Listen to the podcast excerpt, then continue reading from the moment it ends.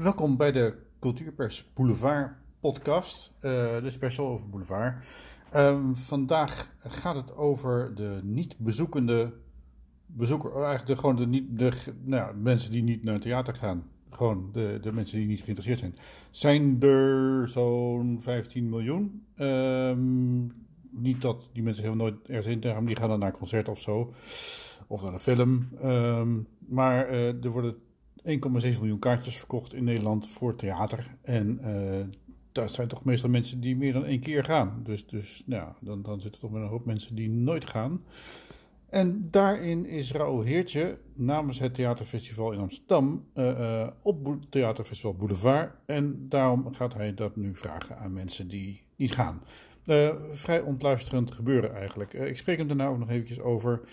Um, dus blijf gewoon even luisteren en luister naar de antwoorden op de vraag die nooit gesteld wordt.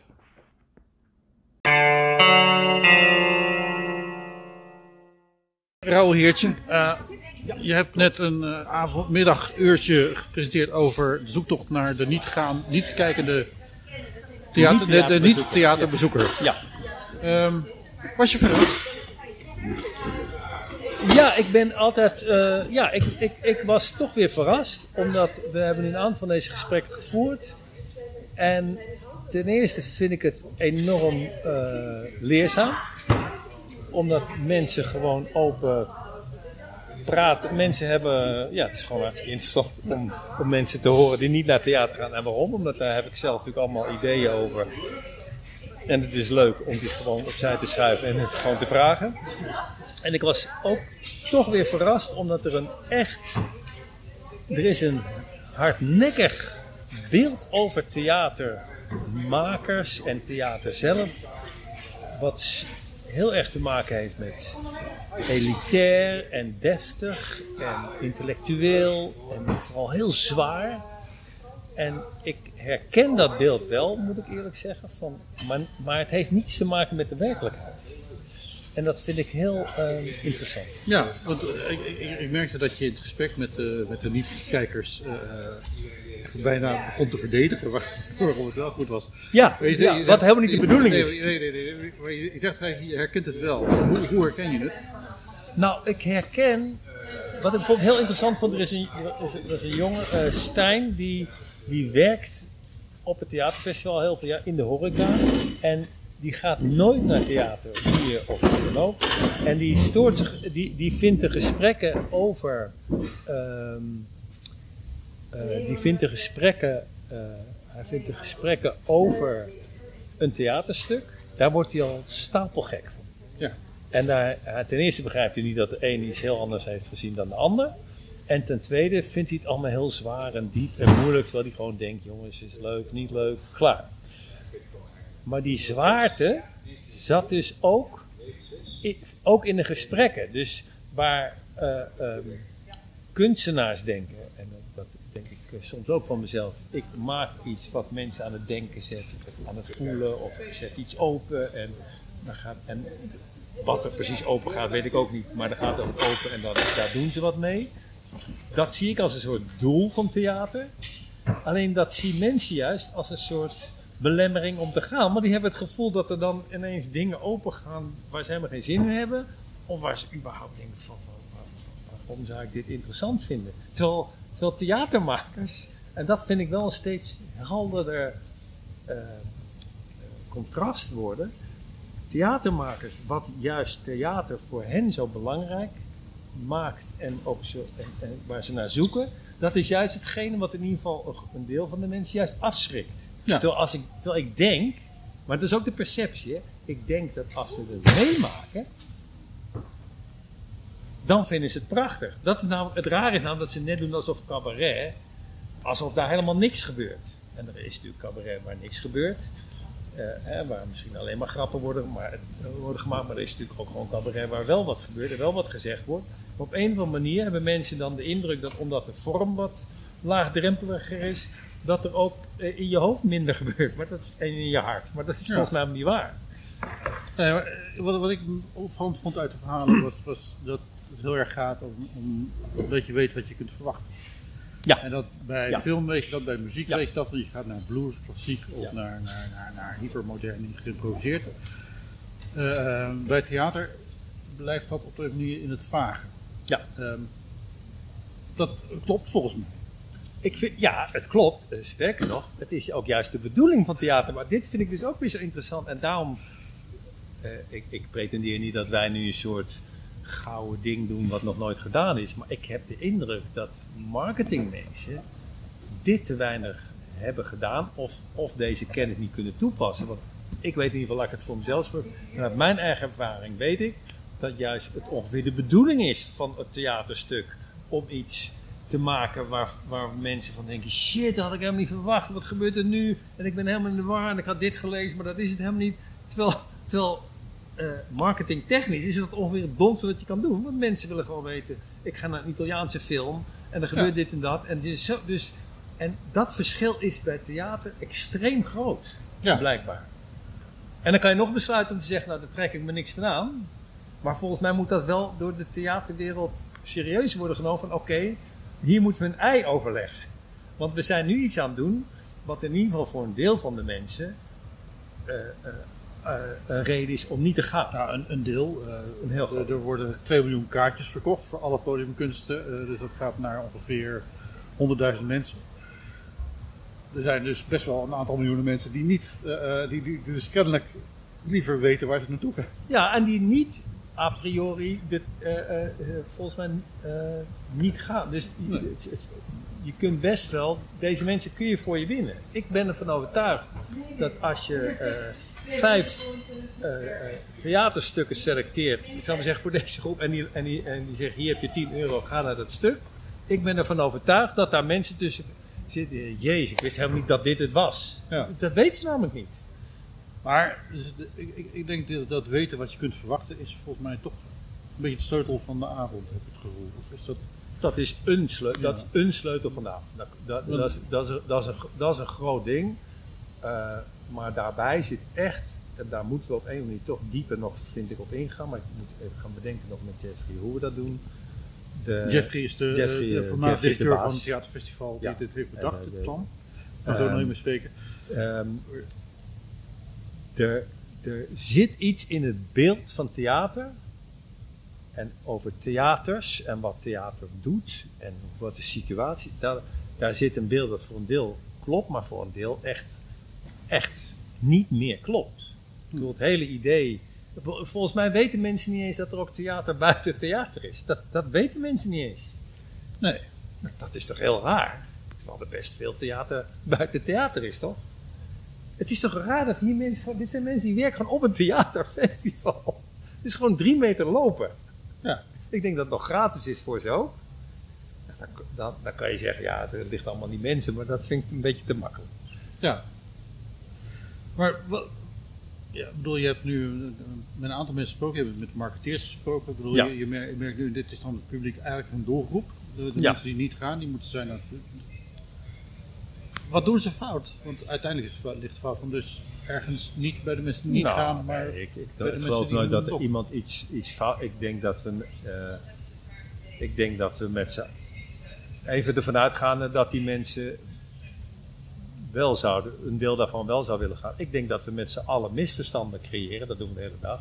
Maar in dit geval ook er nogal wat grote, grove misverstanden zijn gecreëerd. En het voordeel van dat ze zo groot zijn, is dat je ze ook vrij makkelijk kan aanpassen. Maar je moet ze wel volgens mij eerst in kaart hebben gebracht.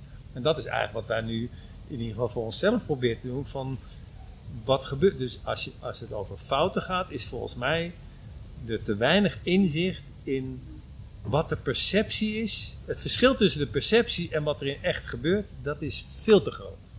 Ja, maar al- als ik kijk naar de gemiddelde Ja. persberichttekst die ik binnenkrijg, Ja. of, of programmaboekjes, teksten.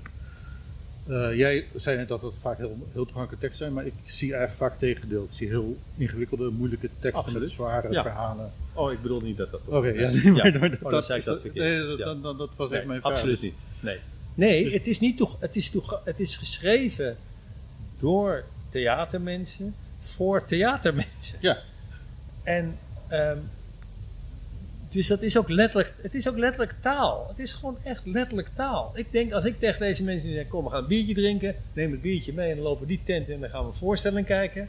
Dan heb je dikke kans dat ze het hartstikke leuk vinden. En zeggen, ja, maar dit is geen theater. Maar dat is ook theater.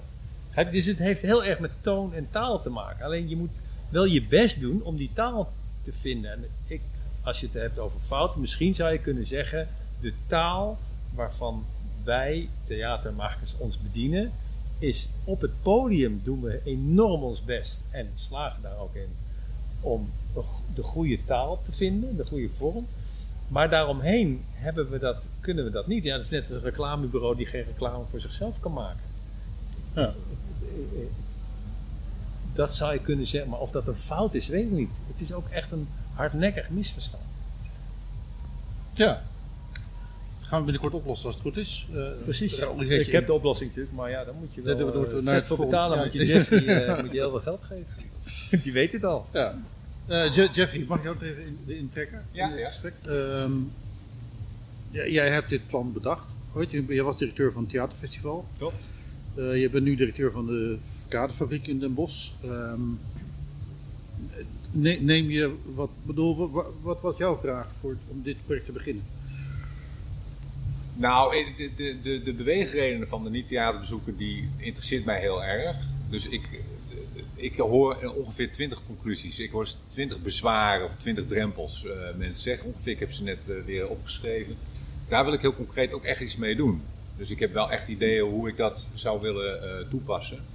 Uh, nou, ik, we, we hadden, eh, daar is al ook geweest. Jessica Tom, dat is een uh, theatermaakster uit, uh, uit Londen. Ja, die wil ik noemen. Ja. Die heeft Tourette, Call to Action. En heeft zij gedaan bij ons op het festival, de Call to Action, van hoe maak je het nou echt toegankelijk?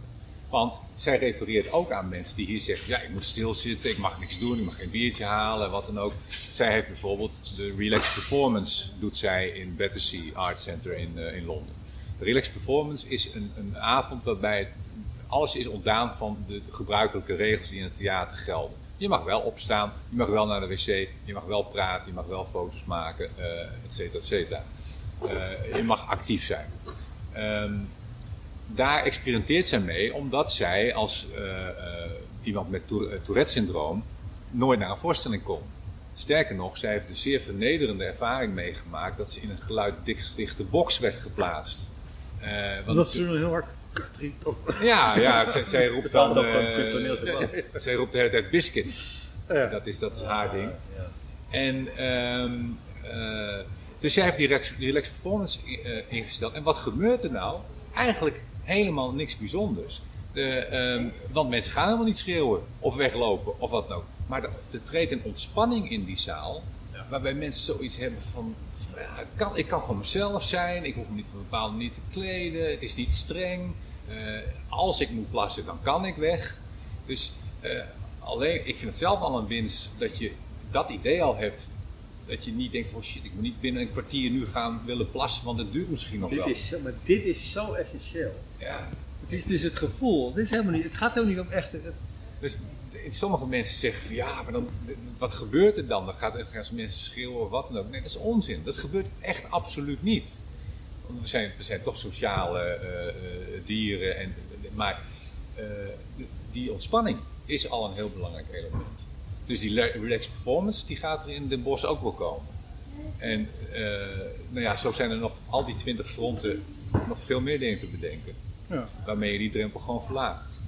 Is uh, COVID een kans? Want uh, de theaters moeten nu ruimer ingericht worden. Uh, zitjes, tafeltjes ertussen, barpersoneel wordt bediend, want je kan niet meer met een rij staan in de, in de foyer. Ja, ik weet zeker dat, ik weet dat van, van schouwburgdirecteuren zelf, die ik sprak tijdens de COVID-crisis vorig jaar juli, ze vinden het wel degelijk een kans, juist omdat ze nu, maar let op, ze, hebben nu even, ze hadden even die dwang niet om te verdienen dat verdienmodel was even niet, niet dwingend. Dus ze konden inderdaad gaan experimenteren met drinken in de zaal, uh, tafeltjes ertussen, uh, kleinschalig aanbod in een grote zaal, ander soort aanbod, uh, twee voorstellingen op een avond. dat soort dingen, dat gaf ruimte. En ik geloof dat veel schouwburgdirecteuren, al zeggen ze dat misschien niet hardop, het gevoel hebben dat ze die ruimte niet hebben. Omdat ze altijd maar die dwang hebben van je moet zoveel verdienen eh, om die avond rendabel te maken, et cetera, et cetera. Dus in die zin heeft COVID ruimte geschapen voor het zoeken naar, naar nieuwe avonden en naar nieuwe uitgangsconcepten, et cetera. Eh, maar de kans is gewoon wel heel groot dat het verdienmodel weer dwingt tot het oude. Ja. Er was een vrouw die riep, uh, maak ze goedkoper, de kaartjes. Ik denk dan van, maak de kaartjes duurder, dan wordt het exclusiever. Dan willen mensen misschien liever. Bedoel, voor een festival betaal je grif 100 euro, waarom betalen we voor een theater nog maar 15? Ik persoonlijk vind, ik, ik persoonlijk vind theater veel te duur. Ja, vind ik ook. Echt niet te geloven. Ik vind ook zo'n. Ik vind festivals, inclusief het Nederlands Theaterfestival, et cetera, vind ik ook veel te duur. Alleen, we zijn met z'n allen afgedreven van het feit dat subsidie eigenlijk bedoeld is om theaterkaartjes ook betaalbaar te houden. Dat zit er niet meer in in ons systeem. Maar dat was natuurlijk wel oorspronkelijk bedoeld, net als die, die schouwburgen waren bedoeld, om ons met z'n allen te verheffen. Eh, eh, en die kaarten betaalbaar te houden, zodat ze met z'n allen konden. Maar dat, dat principe zijn we helemaal verloren. Daarom hebben wij 400 theaters in Nederland. Omdat we vonden dat iedereen, jong, oud, van, wel, van, van boerendorp tot grote stad naar het theater zou moeten kunnen. En het betaalbaar te houden. Maar daar hoor je nooit meer iemand over. Nee. Als je nu nog toptoneel wilt zien, betaal je makkelijk 42,50 plus je parkeerkaart. Plus toppas. Plus de oppas. Plus dat je niet weet of het toptoneel is. Ja. Ja, dat ook nog eens. Want een mooie, fatsoenlijke trailer met een goede afloop, die eh hou maar. Ja. Het is maar je snapt het. ja. Hey, eh, ik dank jullie wel voor deze kleine inkijk. Voor audio. Eh, mevrouw, ik kom u net tegen hier. U, loopt met uw hond, een hele mooie Ja. stabij is het? Of een, Nou, eh, een ik- border collie? Het is een huismerk. Een huismerk, kijk. eh. Eh, u loopt hier over het festivalterrein, het is in uw park. Loopt u hier altijd met uw hond? Ik loop niet over het veld, maar altijd eromheen of ergens anders. Maar ehm, ze vindt het heel leuk en ik vind het ook leuk. Maar ik, heel eerlijk, ik vond het leuker op de parade. Ja, ja. Want u, bent- u bent wel een festivalbezoeker. Ja. En- Ja, ik ben nu zelf nog niet geweest dit keer, maar ik ben nou even aan het kijken wat er nog voor mogelijkheden zijn. En dan eh, een keertje zonder hond, hè? Ja. Want gaat u wel naar voorstellingen toe?